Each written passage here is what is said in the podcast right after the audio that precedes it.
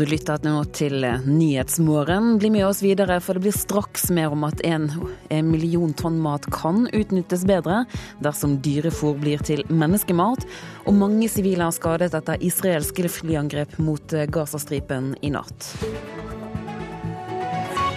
Så vi skal straks til Jerusalem. Dette er altså noe av det du får mer om her i Nyhetsmorgen. Først nå om frykt for terrorangrep som gjør at USA skjerper sikkerhetstiltakene ved flyplasser i land med direkteflyvninger til amerikanske byer. Amerikanske myndigheter er redd for en ny type bomber som ikke oppdages av metalldetektorer eller bombehunder, og som dermed kan smugles om bord i fly. Og det skal særlig være flyplasser i Europa og Midtøsten som blir berørt. Statsråd J. Johnson i det amerikanske innenriksdepartementet var svært ordknapp i redegjørelsen om de ekstraordinære sikkerhetstiltakene. Han opplyste verken hvilke land det gjelder, eller hva som er den konkrete foranledningen. Men kilder i departementet og andre sikkerhetsorganer har overfor amerikanske medier sagt at det dreier seg om frykt for bomber konstruert slik at de ikke skal kunne oppdages av metalldetektorer eller ved vanlig gjennomstråling. Frykten gjelder særlig en gruppe kreative bombemakere i Jemen, med tilknytning til organisasjonen Al Qaida på den arabiske halvøy og Nusra-fronten i Syria. Det skal ikke være snakk om én konkret planlagt terroraksjon. I går ble det også kjent at en kvinne i Denver er arrestert, mistenkt for å ha støttet islamistene i ISIL i Syria og Irak. Ifølge siktelsen har hun sørget for å få opplæring i militær taktikk og skyting, med sikte på å reise til Syria for å støtte ISIL. Det er ikke klart om hun har bidratt med opplysninger som førte til beslutningen om å skjerpe sikkerheten på flyplasser i Europa og Midtøsten. Tiltakene vil tre i kraft om noen få dager, og innenriksminister Johnson sier USA og landene det gjelder, vil forsøke å minimalisere konsekvensene for passasjerene. Groholm, Washington. Og dette får konsekvenser for Europa. Storbritannia vil gjøre som USA og skjerpe sikkerheten. Her hjemme har verken Avinor eller Oslo lufthavn hørt noe, men forsker Helge Lurås tror Norge også vil bli informert. Ja, det, det, tror jeg nok. Altså, det, er, det, er, ingen Så lenge dette er snakk om, snakk om europeiske flyplasser, og Europa er jo definitivt et, et nærliggende uh, utgangspunkt og, og, og, mål også da for, for, for, for personer med denne, denne type uh, hensikter, i og med at det er relativt mange med europeiske pass som nå befinner seg og kjemper sammen med terroristene. og Da er også Norge et, et, et helt naturlig land. Lurås tror ikke det foreligger en ny reell trussel, men at dette er mer snakk om å være føre var. Særlig i og med at de også da går ut uh, Det virker jo som disse lekkasjene er egentlig sanksjonert fra, fra myndighetene. At de ønsker å, å høyne oppmerksomheten noe, men uten at det er konkret verken i forhold til hva slags uh, type sprengstoff det eventuelt er snakk om, eller hvor eh, man, man, tenker uh, å, å, slå til, eller hvem som i utgangspunktet står bak. Så, så, jeg tror kanskje ikke det er en veldig konkret trussel og veldig konkrete opplysninger de i øyeblikket har å, å, å, gjøre med, men snarere en, en generell frykt for hva som kommer ut av, av den veldig turbulente situasjonen som nå, som, nå er i Midtøsten. Reporter, det var Jo Grunde Gudbrands. Norsk matindustri kaster 60 000 tonn mat hvert år. Mer enn én million tonn kan utnyttes bedre. Rester som i dag går til dyrefòr, kan bli menneskemat, og nå vil industrien, i samarbeid med forskere, utnytte alt som er spiselig. 40 000 tonn kylling og kalkun går gjennom skjærehallen ved Nortura Hærland i Østfold hvert år. Bortimot hver eneste kjøttbit blir utnytta, enten til filet eller kjøttdeig. Men kyllingbeina blir til overs. Om lag 15 000 tonn bein. Eh, I dag så går det til pelsdyrfôr. Og vi kjører det løpende ut på store semitrailere som kjører ut til pelsdyrfôrkjøkkena i, eh, i Norge og Danmark. Det sier fabrikksjefen ved Nortura Hærland, Kai Fjell. Og han er ikke alene om å la restene fra matproduksjonen gå til dyrefòr, enten til pelsdyr eller hunder. Men Kai Fjell vil heller lage menneskemat av dem. Alle disse her tonna med bein må da gå an å bruke til menneskemat videre. Det er jo fin vare. Det er eh, litt kjøtt i dette her, det er gode proteiner og det er noen fettstoffer som vi gjerne kunne tenkt oss å bruke. Sintef i Trondheim har nå regien på Cycle-prosjektet, som har fokus på hva som skjer med maten fram til den når forbrukeren. Utvikling av teknologi og prosesser for å utnytte maten bærekraftig er målet, sier leder for Cycle, Marit Aursand ved Sintef. Restråstoff, som vi kaller det, det er mat. Og det kan eh, utvikles til eh, produkter som vi kan spise. Norges forskningsråd har bevilget 40 millioner kroner over fire år til Cycle. Forskere samarbeider med matvareindustrien, bl.a. med Bama, som er distributør av frukt og grønnsaker. Forskningsdirektør i Bama, Jens Strøm, sier at gulrota som i dag er for krokete til førstesortering, ikke blir kasta, men blir til juice eller smoothie. Og Det viktigste i frukt og grønt, det er jo at det som blir produsert, det blir faktisk spist. Eller eventuelt utnyttet som en ressurs til andre formål som er matnyttig. Cycle har som mål å få maten inn i et kretsløp, enten til mennesker eller til andre dyr som vi spiser. Der hører ikke pelsdyr med, og Kai Fjell i Nortura har fått nye ideer til hva kyllingbeina kan brukes til. Det vi har tenkt å se litt på nå, det er jo en hydrolyseprosess, hvor vi da kan skille ut kjøttproteinene og fettet fra disse her beinrestene, og bruke det videre inn i sauser, supper og basis for andre produkter som du kan spe med disse produktene. Det sa fabrikkdirektør Kai Fjell ved Nortura Herland, reporter Arne Egil Tønseth. Arild Hermstad, du er leder for Framtiden i våre hender. Hva, hva, er årsaken til at matindustrien ender opp med så mye rester hvert eneste år? Du kan si at uh, dessverre så er veldig mye av matproduksjonen vår det innebærer at vi underutnytter masse mat. Vi produserer òg veldig mye svinn. Uh, det gjelder helt generelt. Og vi, uh, vi produserer altså mye mat som kunne vært spist, men som ender opp som avfall. Og det er veldig tragisk, fordi eh, miljøkostnaden ved å produsere denne maten den er ganske stor. Globalt så er det mye miljøproblemer knyttet til matproduksjon som eh, vi bør løse. Så dette er ikke et særnorsk problem? Altså Man sier globalt sett at vi produserer nok mat til 12 milliarder mennesker, og vi er bare syv. Så det betyr at eh, matproduksjonen globalt har et enormt eh, potensial til å gjøre ting mye smartere enn det vi gjør i dag. Vi gjør ganske mye dumme ting, egentlig. Men så ok, så dette med å gjøre ting smartere, det vi hører om her, f.eks. da å lage menneskelig mat ut av det som var tiltenkt dyrefòr. Hva synes du om det, den ideen? Eh, vi er helt nødt til å gjøre det på sikt. Vi er nødt til å produsere maten med mindre bruk av ressurser fremover. Det er helt avgjørende hvis vi skal løse klimaproblemet, hvis vi skal løse en del andre miljøproblemer. Eh, og det betyr òg at eh, kostnadene med å kaste mat og gjøre på den måten vi gjør det i dag, de må bli mye høyere. De må få en vi må begynne å betale de reelle kostnadene for å ødelegge så mye mat. Så det er slik at man eh, lager svinn med vilje fordi at det er rimeligere? Så man har fokus på effektivitet og at det skal være lønnsomt. Og så lenge det er billig å kaste fullspiselig mat, så blir det gjort nesten i alle ledd i hele produksjonen. Så slik fungerer matindustrien. Men oss som forbrukere, da? Tror du at det er marked for at vi får lyst på kyllingbein? Eh, jeg tror nok forbrukerne og vi trenger å jobbe med, med, hvordan vi ser på maten vi spiser. Det er, eh, det er, lett for at matindustrien vil gjøre det enkelt og lettvint for forbrukeren. Eh, og så lenge det er billig, så, så vil gjerne forbrukeren ha det. Vi vet at mye av avfallet også oppstår hos forbrukerne. og der må det gjøres ganske mye for å, å endre på det. Så er det én ting som er særnorskt, og det er fiskeindustrien vår. Norsk fiskeindustri det ender opp med mer enn 800 000 tonn rester hvert år. Hvorfor er det slik? For det første så er jo eh, oppdrettsnæringen har vokst formidabelt, så her blir det store tall nesten uansett hva du ser på. Eh, og oppdrettsnæringen har gjort en del bra ting. De utnytter en del ressurser bedre nå enn de gjorde før. Men samtidig har de et enormt potensial for å bruke de ressursene fra havet på en bedre måte.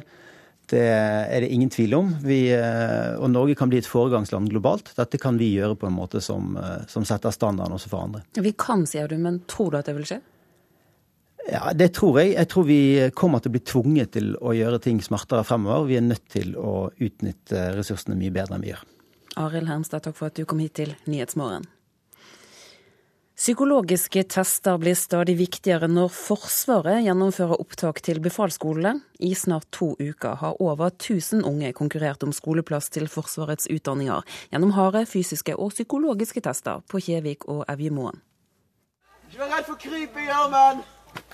En gruppe unge rekrutter kryper i tjukk gjørme, bærende på store tømmerstokker som skal spille rollen som pasient på en båre. I snart to uker har de vært gjennom ekstreme både fysiske og psykologiske tester i kamp om en plass på Forsvarets befalsskoler.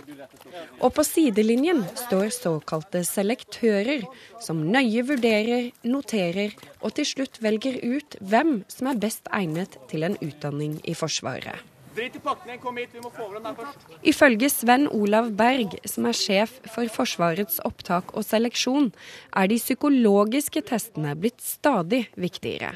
Ja, Vi er jo blitt mer og mer eh, gjennom årene opptatt av å eh, se på personlige egenskaper. Hvorfor er det blitt sånn?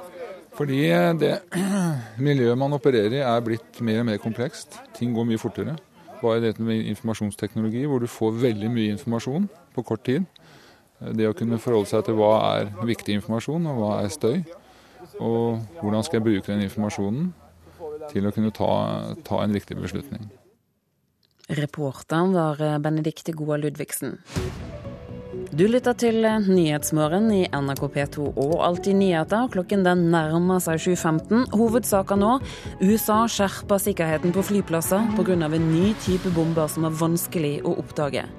Norsk matindustri kaster 60 000 tonn mat hvert år. Dette må utnyttes bedre, sier Fremtiden i våre hender. Og bli med oss videre i sendingen, for nå renner det inn med klager til LO fra folk som jobber frivillig på festival i sommer. Men først nå skal vi til eh, Israel, for eh, israelske fly har eh, angrepet Gazastripen i natt. Minst ti palestinere er skadet etter angrepene. Flyangrepene skjer etter at det ble avfyrt flere raketter fra Gazastripen inn til Israel.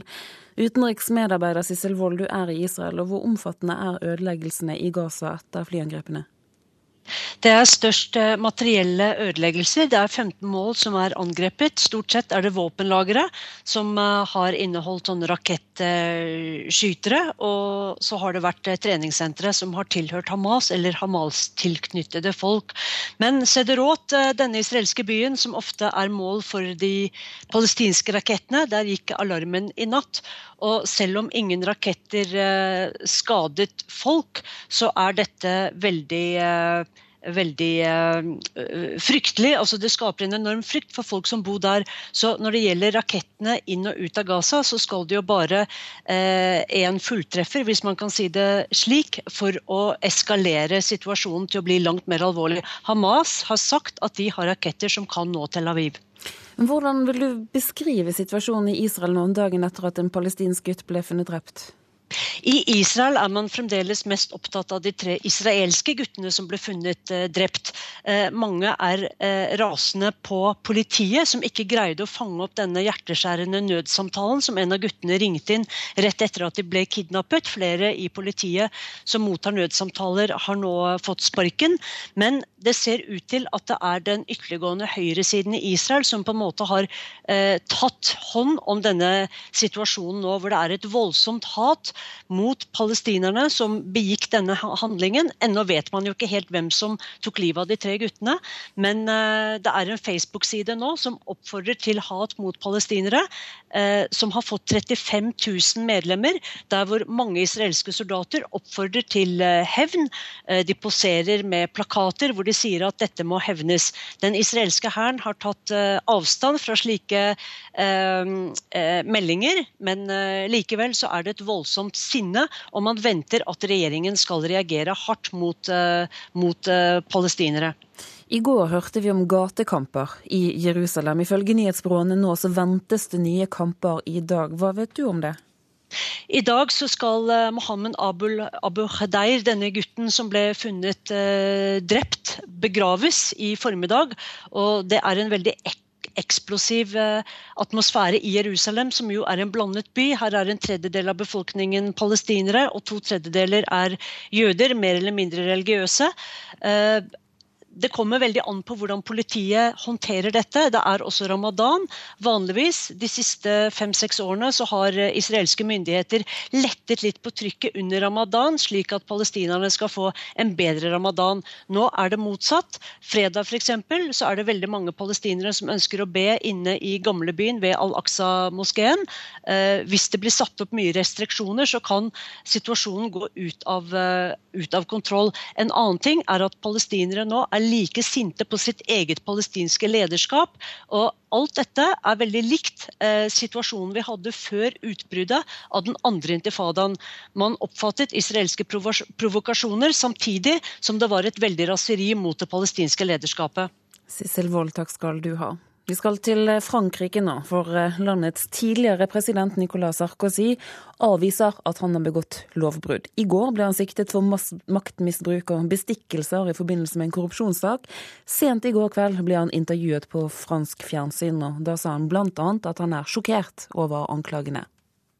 Je veux dire à ceux qui nous écoutent ou à ceux qui nous regardent que je n'ai jamais trahi leur confiance. Jeg vil si til alle som hører eller ser, at jeg aldri har sviktet dem, og aldri har gjort noe som er i strid med republikkens verdier eller rettsstatens prinsipper. Det sa Frankrikes tidligere president Nicolas Sarkozy, som nå kjemper for renvaskelse og sitt politiske liv, i intervjuet med fransk TV i går. Sarkozy har blitt knyttet til en rekke korrupsjonsanklager etter at han gikk av som president i 2012. Annet mistenkes det at Libyas tidligere diktator Muammar Gaddafi bidro til å finansiere Sarkozys valgkamp i 2007. Det er etterforskninga av denne saken Sarkozy nå er siktet for å ha forsøkt å forpurre. Men Sarkozy avviser alle beskyldninger. Det er veldig enkelt. Jeg er dypt sjokkert over det som skjer, sa ekspresidenten som mener anklagene har vært et forsøk på å ydmyke ham, og at han er utsatt for en politisk heksejakt. Ja, Reporter her, det var Inger Marit Kolstad Bråten. Europakorrespondent Åse Marit Befring, du er i Paris, en by som er i ferd med å våkne. Hvordan er reaksjonene nå på TV-intervjuet med Sarkozy i går? Reaksjonene har vært at eh, dette er en mann som har ett eneste mål, og det er å flytte inn i Élysée-palasset i 2017. Eh, avisene skriver eh, om dette motangrepet. Eh, det er overskriften i Le Figaro. Eh, Le Monde skriver om denne mannen som har ett mål, nettopp å bli, komme tilbake til makten igjen i 2017. Eh, og Der han da mener at han har vært utsatt for en heksejakt, så viser en undersøkelse gjort i går kveld, eh, som blir eh, sendt nå på TV i morgentimene, at 63% av franskmenn mener at han faktisk bare blir behandlet som enhver annen borger.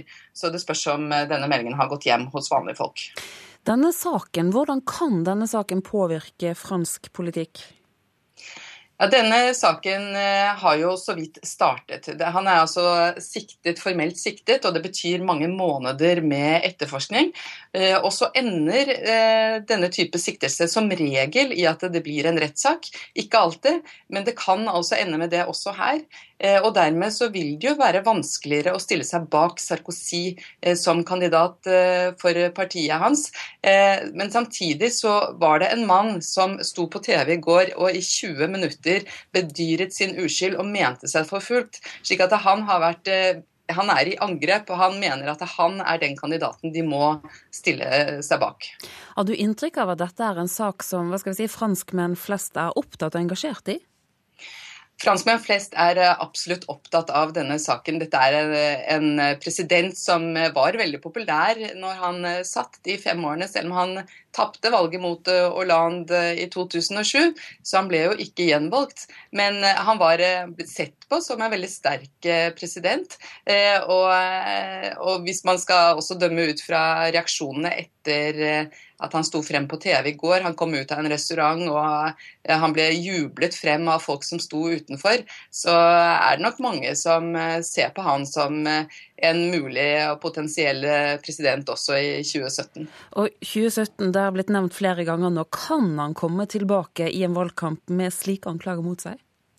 Det er jo det som er det store spørsmålet. I og man ikke vet eh, hvilken vei dette bærer, så vil jo det være veldig vanskelig å satse på en mann som kanskje eh, må kjøre to løp. Ett er en presidentvalgkamp, og et annet er da en rettsprosess eh, der han kan ende i fengsel i flere år.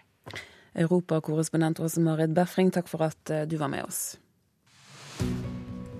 I Nyhetsmorgen nå skal vi se nærmere på dagens aviser og hva de har på sine forsider. Klassekampen har vært ute og snakket med norske kvinner som bruker det heldekkende sløret nikab. De fortviler over at politikere vil forby heldekkende hodeplagg, men et forbud vil trolig kun gjelde mellom 50 og 100 kvinner. Det skriver altså Klassekampen. Gud skårer høyt på VM-gresset, det skriver Vårt Land. Avisen har merket seg at mange spillere takker Gud for skåringer og seire under fotball-VM, og dette er ekstremt effektiv markedsføring av religion, sier kommunikasjonsekspert til avisen. Så partisekretæren i Arbeiderpartiet på forsiden av Aftenposten, Raymond Johansen, mener det er snakket for lite om Anders Behring Breivik og holdningene hans, og alt det hatet han sto for. Dagens Næringsliv slår opp Transocean-saken. Riggselskapet har blitt etterforsket av Økokrim i ni år. Tiltalen var medvirkning til grov skatteunndragelse. Nå er alle tiltalte frikjent. Svinebakterier utgjør en stor helserisiko. Det er hovedsaken i Nasjonen. Avisen skriver at dersom antibiotikaresistente bakterier blir vanlige i landbruket, og antibiotika dermed mister effekt, så kan medisinsk behandling bli dødsrisiko. Pengene strømmer inn til elbilselgere. Det er Bergens, er Bergens Tidende som skriver dette. Elbilboomen skaper vinnere og tapere blant bilselgere, skriver avisen.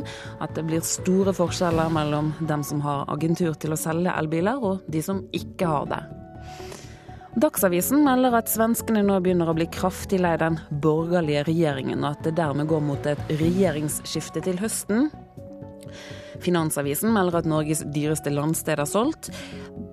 Siden det nærmer seg fellesferie, så gir VG deg reiseråd og skriver om digitale feller som du må unngå å gjøre med mobiltelefonen, og Dagbladet melder om sol og varme og knallstart på fellesferien. LO frykter at frivillige kan bli utnyttet på norske festivaler. Flere tusen ungdommer jobber gratis under norske festivaler i sommer. Flere hundre står på ventelister, og ungdommene får gratis inngang i bytte for arbeidskraft. Men flere og flere klager nå til LOs sommerpatrulje. Vi har vann, frukt, egentlig kaffe, litt snacks til alle som jobber på festivalen. På ei grønn gresslette på HV-festivalen viser Jonathan Grunli fram ei tralle full av forfriskninger. Han jobber som flere tusen andre ungdommer i sommer frivillig på festival, og trives godt med arbeidet som gjør at han får bl.a. gratis festivalpass. Vi skal gå rundt med tralle, så går vi og spør om de har det bra. For flere som er på jobb i tolv timer om gangen. Da kan det bli veldig, veldig lenge og ikke gjøre noen ting. Hvis det er f.eks. noe som de ikke er fornøyde med, så kan de si det til oss, så kan vi gå og ta det i frivilligteltet. Men ikke alle frivillige rundt omkring på landets festivaler er like fornøyd som Grunnli. Det forteller ungdomsrådgiver Kent Rune Pedersen i LO. Han får stadig flere henvendelser fra ungdom som er usikre på hvilke rettigheter de har når en tvist oppstår med festivalene. Vi ser i hvert fall at eh, henvendelsene til oss er økende. Vi får eh, henvendelser på spørsmål om eh, rettigheter eh, med tanke på at, hvordan det er å jobbe frivillig. Pedersen viser til flere eksempler på misfornøyde ungdommer som har fått faktura på festivalpass fordi frivilligjobben ikke har blitt godkjent av forskjellige årsaker. Da har de gjerne vært på festivalen, og enten at de har blitt syke eller noe sånt og da blir da sendt ut og må betale festivalbilletten. Og må betale andre utgifter og goder som man har som frivillig. Og nå skal LO fokusere mer på de frivillige framover. Men det er jo helt klart at uh, ungdom kan bli utnyttet uh, på ulike måter på dette her, og det, er, det, det tar vi jo selvfølgelig på alvor. Og det er populært å være frivillig på festival. Slottsfjellfestivalen i Tønsberg har over 200 på venteliste, mens Øyafestivalen i Oslo allerede i april måtte stenge frivilligregistreringa pga. stor pågang. I disse dager går HV-festivalen av stabelen, og frivilligsjef Espen Nystad har ansvaret for de 2000 frivillige. Han kjenner seg ikke igjen i LOs bekymringer, og sier at man på HV gjør tiltak om noen er misfornøyd. Jeg syns det at LO kritiserer bruken av frivillige, det er jo eh, ikke helt korrekt. Jeg skal ikke si at det er feil for alle festivaler. Jeg forholder meg egentlig bare til alle de blide menneskene som jeg treffer på. Det er jo ikke alle som er fornøyd, men da tar vi en dialog med dem og spør hva vi kan gjøre for at de skal ha det bedre, og så, og så flytter vi på dem til de føler seg ivaretatt. Reporteren, det var Martin Hotvedt. Venstre kan sette en stopper for at butikker selv skal få velge om de vil holde søndagsåpent, slik Høyre og Fremskrittspartiet lover i sin regjeringsplattform. Nestleder Terje Breivik sier til Aftenposten at Venstre mener det bør være opp til hver enkelt kommune å bestemme om det er rett for dem med søndagsåpne butikker. Høyre og Frp er avhengig av Venstres støtte for å få flertall i denne saken. Nico Vince beholder fjerdeplassen på den amerikanske Billboard-listen med låten 'Am I Wrong'. Duoen de har nå ligget elleve uker på listen over de 100 mest populære sangene i USA. Dermed så er det to norske bidrag blant de øverste plassene på verdens viktigste hitliste. På sjetteplass ligger nemlig Jason Delues låt 'Wiggle', som er skrevet av nordmann Andreas Schuller. Og du lytter til eh, Nyhetsmorgen. Det er Ulf Tannes Fjell som er produsent denne morgenen. Her i studio Turi Grønbekk. Vi gjør oss straks klar for Dagsnytt med Arild Svalbjørg. Og så nevner vi at partilederen i Rødt er på vei til oss hit eh, til oss i Nyhetsmorgen. Klokken 07.45 så kommer Bjørnar Moxnes i studio for å oppsummere siste stortingsperioden. Det blir det mer om i Nyhetsmorgen straks.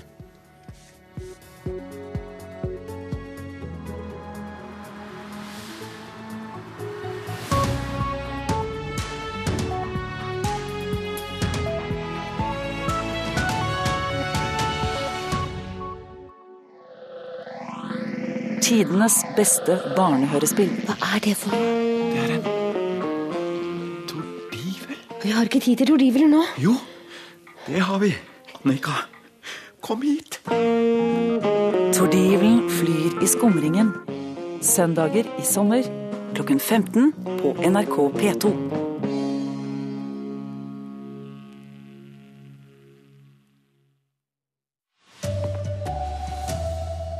Ny type sprengstoff skaper frykt. Dette kan få konsekvenser også for norske flyplasser. Slintrer og bein skal bli menneskemat i stedet for dyrefôr, håper matindustrien. Og amerikanske turister strømmer på nytt til Norge. Hollywood får æren.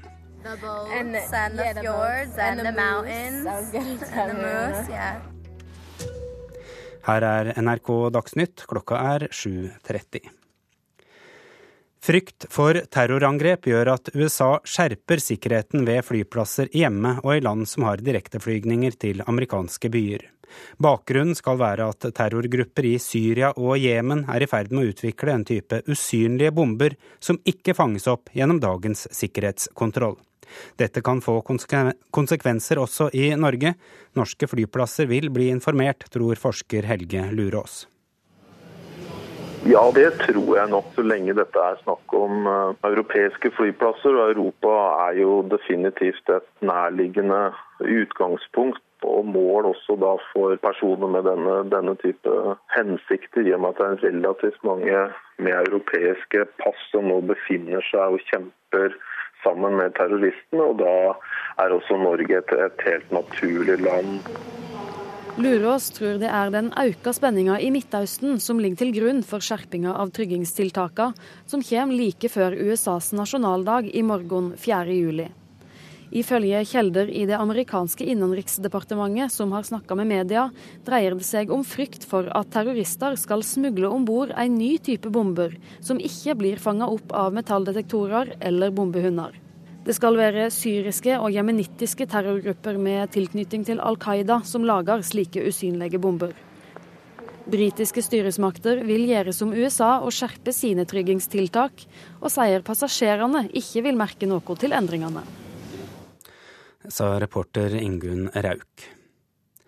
Israelske fly har angrepet Gazastripen i natt. Minst ti palestinere er skadet etter flyangrepene. Angrepene kommer etter at det ble avfyrt flere raketter fra Gazastripen og inn i Israel. Utenriksmedarbeider Sissel Wold i Israel, hvor omfattende er skadene i Gaza etter flyangrepene? Det er stort sett materielle skader på hus som har vært eh, våpenlagre for eh, Hamas eller Hamas-tilknyttede grupper eller andre militante grupper. Eh, det har også gått raketter den andre veien. Den israelske byen Sederot, som er mottaker av mange av disse rakettene, hørte alarmen i natt, og det skapte veldig mye frykt. Og det bygger jo opp et, et, et krav på den israelske siden om at man må gjengjelde igjen i Gaza. Så her er det en eksplosiv situasjon. Det er på en måte en tofrontssituasjon nå, for også her i Jerusalem er det veldig, veldig eh, tenst nå før eh, denne gutten Mohammed Abu Qdai skal begraves nå i formiddag. Ja, I går var det gatekamper i Jerusalem, og i dag begraves altså den palestinske gutten som ble funnet drept i går. Ehm, hva, hva vet du om eh, risikoen for nye kamper i gatene i dag? Veldig mye kommer an på hvordan det israelske politiet håndterer dette. Og det er jo uklarheten. Man vet jo ikke hvem som drepte de tre israelske guttene som ble funnet eh, døde for litt siden. Og man vet heller ikke 100% hva som skjedde med den drepte palestinske gutten som ble funnet i går. Og denne uvissheten gir enormt eh, rom for rykter. Og veldig mange palestinere som jeg har snakket med, mener jo at det er israelerne selv som står bak drapet på disse tre guttene, slik at de kan kan eh, gå til angrep mot palestinere og mot Hamas da spesielt. Takk skal du ha, Sissel Wold fra Israel. Paret som ble ranet med pistol i sitt hjem i Stavanger i natt, ble slått og truet av ranerne. Det opplyser politiet i Rogaland. Fire personer skal ha tatt seg inn i en leilighet like før klokka ett i natt, sier operasjonsleder Kurt Løklingsholm. Det fire personer, vi tror det er fire, som kom inn i en leilighet i Stavanger og trua et par der til å gi fra seg noe penger. Er de fysisk skadd, disse personene som eh, ble trua? De ble, begge to ble slått, og de fikk behandling på, på stedet av ambulansen. Paret kom fra hendelsen uten fysiske skader. Intervjuer Kaspar Fuglesang. Norsk matindustri kaster 60 000 tonn mat hvert år, og mer enn 1 million tonn kan utnyttes bedre. Rester som i dag går til dyrefôr kan bli menneskemat. Nå vil grønnsakdistributører og kjøtt- og fiskeindustrien i samarbeid med forskere utnytte alt som er spiselig. 40 000 tonn kylling og kalkun går gjennom skjærehallen ved Nortura Hærland i Østfold hvert år. Bortimot hver eneste kjøttbit blir utnytta, enten til filet eller kjøttdeig. Men kyllingbeina blir til overs. Om lag 15 000 tonn bein. Eh, I dag så går det til pelsdyrfôr. Og vi kjører det løpende ut på store semitrailere som kjører ut til pelsdyrfôrkjøkkena i, eh, i Norge og Danmark. Det sier fabrikksjefen ved Nortura Hærland, Kai Fjell. Og han er ikke alene om å la restene fra matproduksjonen gå til dyrefòr, enten til pelsdyr eller hunder.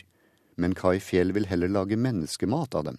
Alle disse her tonna med bein må da gå an å bruke til menneskemat videre. Det er jo fin vare. Det er eh, litt kjøtt i dette her, det er gode proteiner, og det er noen fettstoffer som vi gjerne kunne tenkt oss å bruke. Sintef i Trondheim har nå regien på Cycle-prosjektet, som har fokus på hva som skjer med maten fram til den når forbrukeren. Cycle har som mål å få maten inn i et kretsløp, enten til mennesker eller til andre dyr som vi spiser. Og der hører ikke pelsdyr med. Og Kai Fjell i Nortura har fått nye ideer til hva kyllingbeina kan brukes til. Det vi har tenkt å se litt på nå, det er jo en hydrolyseprosess hvor vi da kan skille ut kjøttproteinene og fettet fra disse her beinrestene og bruke det videre inn i sauser, supper og basis for andre produkter som du kan spe med disse produktene. Reporter Arne Egil Tønseth. Ei Disney-prinsesse og en snakkende snømann får æren for at amerikanerne strømmer til Norge. Fjord Norge og direktør Christian Jørgensen mener filmen Frozen har æren for at det er 42% flere fra USA i landet i år enn det var i fjor. USA har vi slitt med i mange mange år, men i år kommer det. I året eksploderer det, rett og slett. Summer in the city of Arendelle. Rett før jul kom Disney-filmen på kino i USA. I den animerte kassasuksessen er vi mellom fjord og fjell, stavkirker og isslott. I et landskap som kan minne om Norge, følger vi heltinne Anna, et reinsdyr og en snømann med norskklingende navn. Hi everyone, I'm Olaf, and I like warm hugs. Olaf? Nesten som et moderne folkeeventyr. That's right. Olaf. På Bryggen i Bergen, som òg er med i filmen, går søstrene Gavy og Marianne Burero. De går ikke med på at det er pga. Frozen de er i Norge, men de kjenner att element fra lerretet og i virkeligheten. The boats and and the fjords and, and the, the mountains and the moose. Yeah, it makes you want to visit a place like there because it's. I mean, it's like an ice castle. Like it's very, very beautiful. Hva er det da som får amerikanerne til å reise til Norge pga. en vinterfilm fra Disney? Om det er slik Jørgensen i Fjord Norge hevder.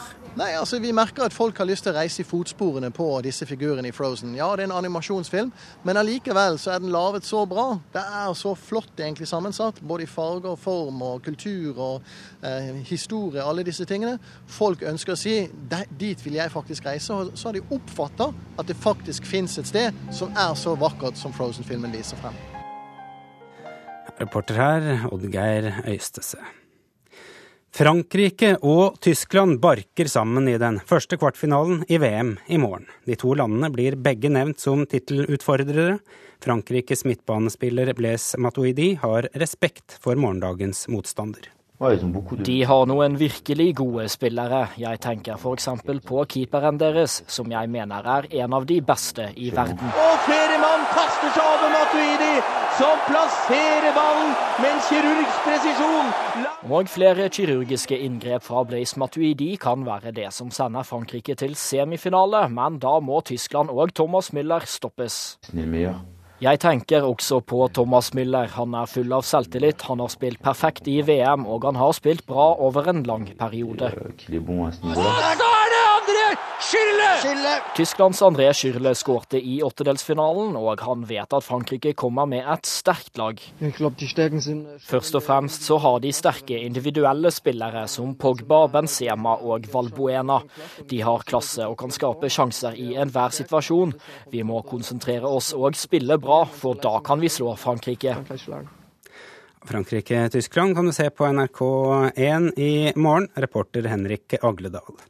Ansvarlig for denne sendingen Astrid Randen, teknisk ansvarlig Frode Thorshaug. Her i studio Arild Svalbjørg.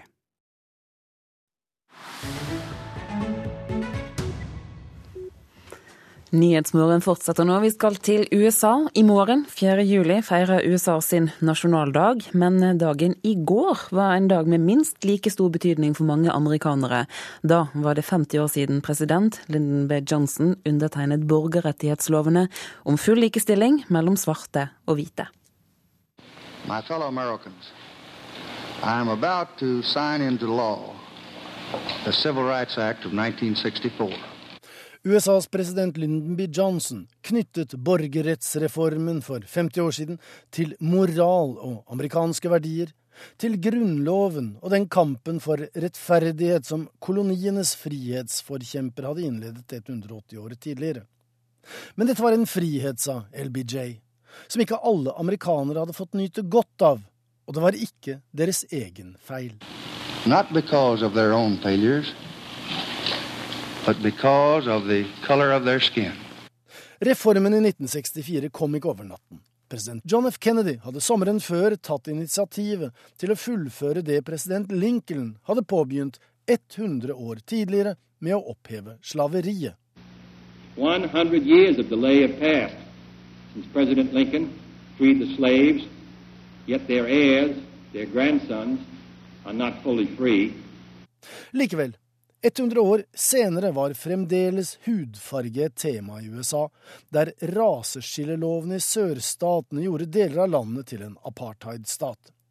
Under den konstitusjonelle formuleringen 'separate but equal' vedtok delstatene i sør en rekke lover, kalt Jim Crow-lover på folkemunne, der svarte, rent juridisk og i teorien, hadde samme rettigheter som de hvite, men i praksis levde de adskilt med egne kafeer, drikkefontener, busseter, skoler, kinoer og sykehus osv. for de svarte. I tillegg kom ydmykelser i hverdagen, politivold og sjikane, utestengelser og undertrykking. I Afrika ble koloniene selvstendige. USAs svarte befolkning krevde også likeverd og rettferdighet. Sommeren 1963 huskes på grunn av Martin Luther Kings tale i Washington den 28. august. One day right there in Alabama, little black boys and black girls will be able to join hands with little white boys and white girls as sisters and brothers. I have a dream today. Talen ble holdt på bakgrunn av mordet på borgerrettsaktivisten Medgar Evers, men før bombeattentatet mot en kirke i Birmingham, Alabama, der fire skolejenter ble drept. Aktivister bestemte at sommeren 64 skulle bli en aktivistsommer, der de svartes stemmerettigheter skulle stå i sentrum. I 1962 var bare drøyt 6% av de svarte velgerne i Mississippi registrert. Summer of 1964, a thousand students from northern universities prepared to Mississippi to teach southern blacks about their voting rights as full citizens of this country. Hvite solidaritetsarbeidere fra nord kalte det prosjektet. De hvite innbyggerne i Mississippi kalte det invasjonen. Men med sin motstand mot reformer, med kirkebranner og Ku Klux Klan-demonstrasjoner samt mordet på tre borgerrettsaktivister, ble Mississippi synonymt med rasisme og hvit dominans. In summer of 1964, Mississippi stood at the crossroads of history. It didn't want to be there. It had no. Det må allikevel sies. USA har kommet langt. I dag bor det en svart mann i Det hvite hus. Utenkelig for 50 år siden. Reporter her, det var Joar Hoel Larsen. Klokken den har passert 7.44. Du lytter til Nyhetsmorgen. Hovedsaker i dag. En ny type sprengstoff skaper frykt. Dette kan få konsekvenser også for norske flyplasser. Matindustrien åpner for å lage menneskemat ut av det som ellers ville ha blitt dyrefôr. Og flere er skadet etter flyangrep mot Gazastripen i natt. I dag snakker partiet Rødt ut om hvordan det egentlig har vært med en blå regjering det siste året. Og det gjør de på sin sommerpressekonferanse senere i dag. Men først er partileder Bjørnar Moxnes her i Nyhetsmorgen. God morgen. God morgen. Først så skal vi snakke om noe jeg nettopp nevnte, og noe som har preget nyhetsbildet i det siste, nemlig urolighetene i Israel og de palestinske områdene. Mandag fordømte den norske regjeringen drapene på tre israelske ungdommer. De ble bortført på Vestbredden. I går fordømte vi også drapet på en palestinsk ungdom i Jerusalem. Og Moxnes, hva synes du om måten den norske regjeringen har uttalt seg på? Jeg mener det er, er, forferdelig at tre israelske ungdommer har blitt drept. Det er heller ikke noe, noe, mindre forferdelig at Israel har svart på det med å drepe flere palestinere og ved å, å slippe bombene løs over Gaza. Det jeg reagerer på eh, fra Norges side, er at vi har en, en regjering som ensidig eh, har, eh, har, fordømt drapene på israelske ungdommer, og som ikke har gitt en tilsvarende klar beskjed til Israel om å avstå fra det som i realiteten er en kollektiv avstraffelse av det palestinske folket. Vi har en regjering som sier at de skal opptre balansert i denne saken.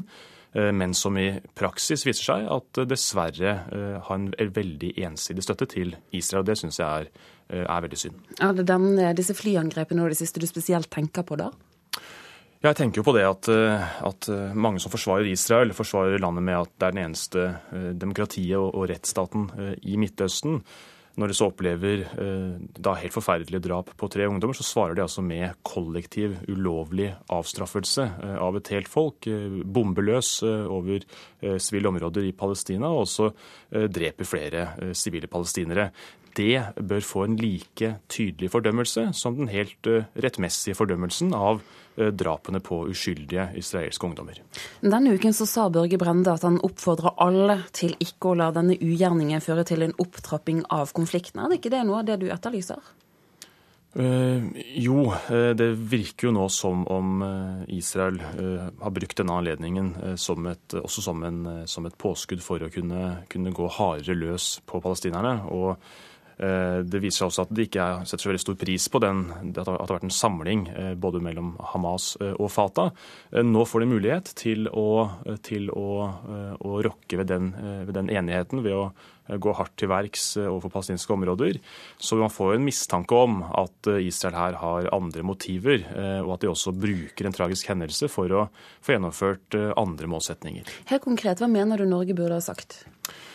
Jeg mener at uh, Norge burde gitt en like klar uh, fordømmelse av uh, drapene på uskyldige palestinske sivile som av fordømmelsen av drapene på uskyldige israelske sivile, og samtidig bedt om at den sterkeste parten, okkupantmakta, avstår fra kollektiv avstraffelse av det palestinske folket. Men hva slags forskjell ville det gjort? Det er klart, ingen tror at, at en, en, norsk uttalelse vil, vil, forandre realitetene eh, i Midtøsten. Men så handler jo da politikk også om at vi velger, eh, velger våre ord med omhu og også har, eh, har en et balansert syn. Og at vi også står fast i noen prinsipper. Og de prinsippene vi skal forsvare internasjonalt, er bl.a. at vi er mot kollektiv avstraffelse. At vi også ber den sterkeste parten om å ta ansvar, og ikke kun fordømmer den parten som er okkupert. Bjørnar Moxnes, vi skal skifte tema til eh, lærerstreiken. Denne streiken den støtter dere i Rødt. Hvorfor det? Det er fordi at lærerne de eh, gjør nå et opprør eh, mot både mistillit, overstyring og detaljstyring. Eh, de ønsker en avtale som både respekterer læreryrkets egenart, og som gir dem fleksibiliteten de trenger for å kunne gi elevene våre best mulig undervisning. Så alle som ønsker en, en god norsk skole, burde være veldig glad for at lærerne nå sa et så tydelig nei til forslaget eh, fra KS. Men så er det også et, kraftig varsko eh, mener jeg, til hele det eh, politiske eh, miljøet. For det her var jo egentlig bare dråpen som gjorde at begeret rant over. Og Det som har fylt begeret for lærerne fram til nå, er jo mange år med skiftende regjeringer, der både nasjonale prøver og PISA blir både metode og mål, og der de altså får mindre, mindre frihet, mindre pedagogisk rom for å utøve sitt eh, skjønn og sin profesjon, og hvor de altså nå sier nei takk til å eh, bli enda mer overstyrt av politikerne. Så dette er et viktig opprør som vil ha betydning for norsk skole. og Jeg håper at flere partier enn Rødt vil nå ta på alvor det signalet som kommer fra lærerne. Og så er det Noe av det striden står om, det handler om denne hva skal jeg si, kontortiden, om lærerne skal være på skole sju og en halv time per dag. Hvorfor tror du at det er så stor motstand mot det? Hvis du har uh, hatt undervisning i fire-fem timer uh, i et klasserom, uh, så er det ikke alltid like lett å være kreativ minuttet etterpå. Det kan være veldig, veldig, smart at lærerne får muligheten til å ta en pause og så jobbe mer seinere på dagen og bestemme over den arbeidstida sjøl. Den tilliten mener jeg at vi må vise lærerne. Og så vil vi tror jeg, oppleve at hvis, hvis, da arbeidsgiver, hvis KS begynner å telle minutter og timer, så vil nok også etter hvert lærerne begynne å telle minutter og timer. Så vi kan jo få helt omvendt effekt av det som kanskje var ønsket fra, fra KS, hvor altså alle partiene er representert fra, fra SV til, til, Frp, nemlig å få ut mer eh, læring av hver enkelt lærer. Det vil kunne gå omvendt vei, ved at man får uh, utdanningsfunksjonærer og byråkrater framfor uh, pedagogiske fagfolk som brenner for jobben sin. Så den gløden som de trenger, den uh, er KS i ferd med å, med å ta knekken på. Og Derfor er det viktig at eh, når vi nå støtter streiken, og at KS innser at de ikke kan presse på landets lærere en avtale som sju av ti lærere sier et tydelig nei til. Men Samtidig så hører vi fra de som allerede har prøvd, som har innført faste arbeidstidstider, at de er fornøyd, at det blir lettere å samarbeide f.eks. Hva tenker du om det? Dette viser jo at det innenfor dagens regelverk er åpning eh, for dette der det er lokal enighet om det. Eh, KS ønska jo eh, å gi eh, rektor, altså skoleleder, vetorett over dette, og redusere lærerne til en slags elevråd i spørsmål om egen arbeidstid. Det er, Hvis vi ønsker oss en skole hvor, hvor, hvor drømmelæreren fins, for å bruke Erna Solbergs begrep, så er det veldig dumt og presse på dem eh, overstyring, detaljstyring, vise dem mistillit. Da får du altså ikke folk som brenner for jobben sin, du får folk som kanskje slutter i skolen, som vi sett i Danmark. Så jeg tror det er, eh, er, feil vei å gå, denne avtalen som KS nå har gått inn for, og som samtlige partier i KS, utenom SV mot slutten, faktisk støtta. Så her må stortingspartiene snakke med sine egne partifeller i KS.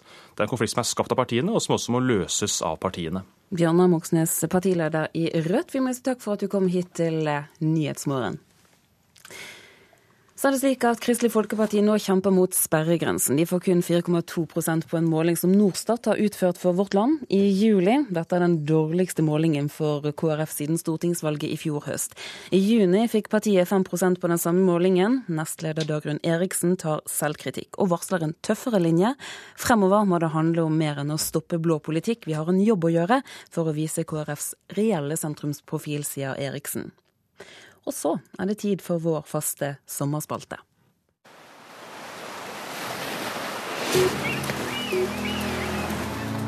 Sommerserien i Nyhetsmorgen. Kari Kjønaas Kjos, leder av helse- og omsorgskomiteen på Stortinget. Hva skal du bruke sommeren din til? Jeg skal tre uker på hytta, hvor jeg stort sett skal ligge med nesa ned i en bok. Hva er den første boka du skal hive løs på? Eh, et helt halvår eh, om aktiv dødshjelp. Hva mener du om aktiv dødshjelp? Jeg er for det. Hvorfor det? Eh, det er egentlig personlige opplevelser som eh, ligger bak det. Diskusjonen om reservasjonsmuligheten, eh, det er jo en stor debatt nå. Mens debatten om aktiv dødshjelp den har ikke kommet på samme måte ennå. Hvorfor ikke det, tror du? Eh, det vet jeg egentlig ikke, men det er en krevende debatt å ta. Fordi eh, det vekker veldig sterke følelser hos mennesker. Men meningsmålinger som er gjort, viser jo at over halvparten av den norske befolkningen er for det. Og likevel så eh, er det ikke ønskelig å ta tak i det politisk. Det er veldig krevende. I hva slags situasjoner er aktiv dødshjelp riktig? Det er i situasjoner hvor du vet at du skal dø, og det ikke er mulig å lindre smerten, og du føler at du ikke har lenger noen verdighet. Du vil ha kontroll på når du forlater dine kjære, og gjøre det på en eh, god måte.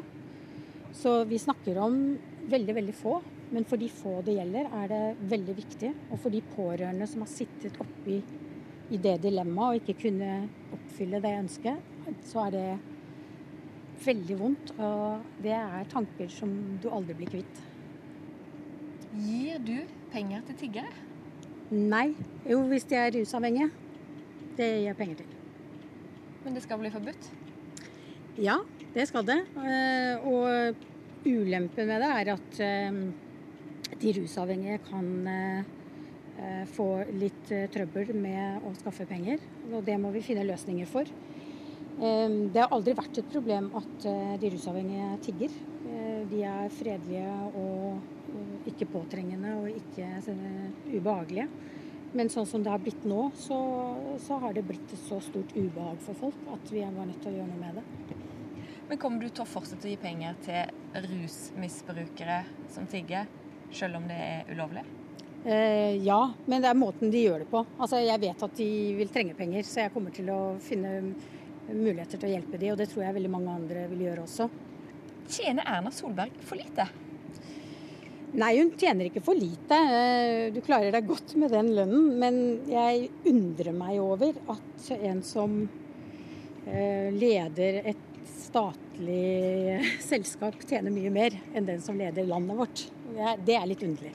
Bør hun da tjene mer, eller de tjene mindre? De bør tjene mindre. Hva slags statsråd syns du har gjort det best i regjeringa?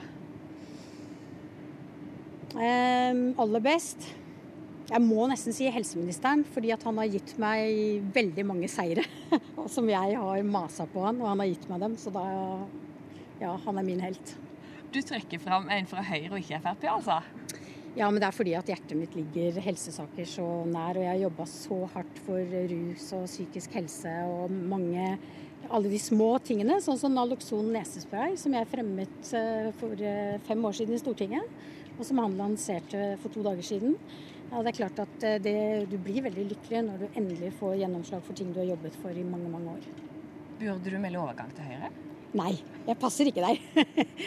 men vi har mye felles politikk og får til mye bra sammen, men jeg passer best i Fremskrittspartiet. God sommer. Tusen takk. God sommer til deg også.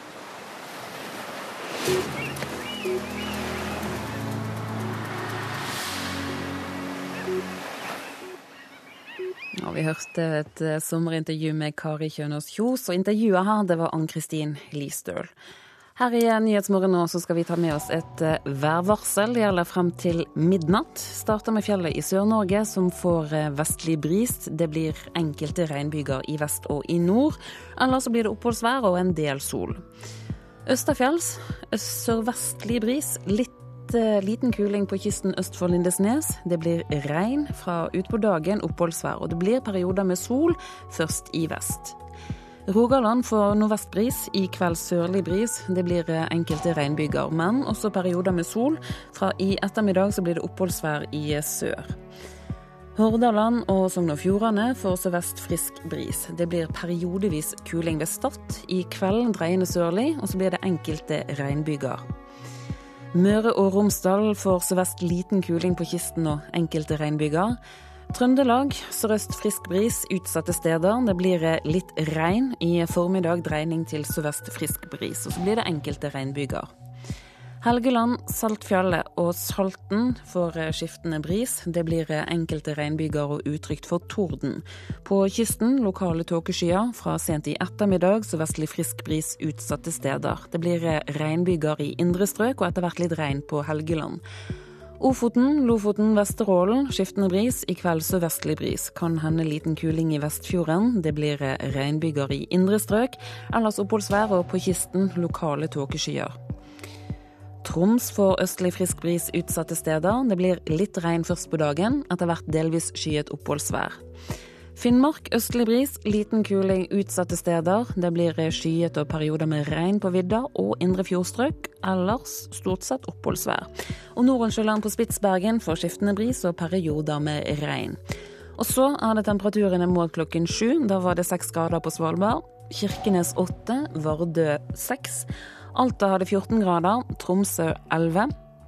Bodø 14 grader, Brønnøysund 12 grader, Trondheim 11. Det var det også i Molde og i Bergen.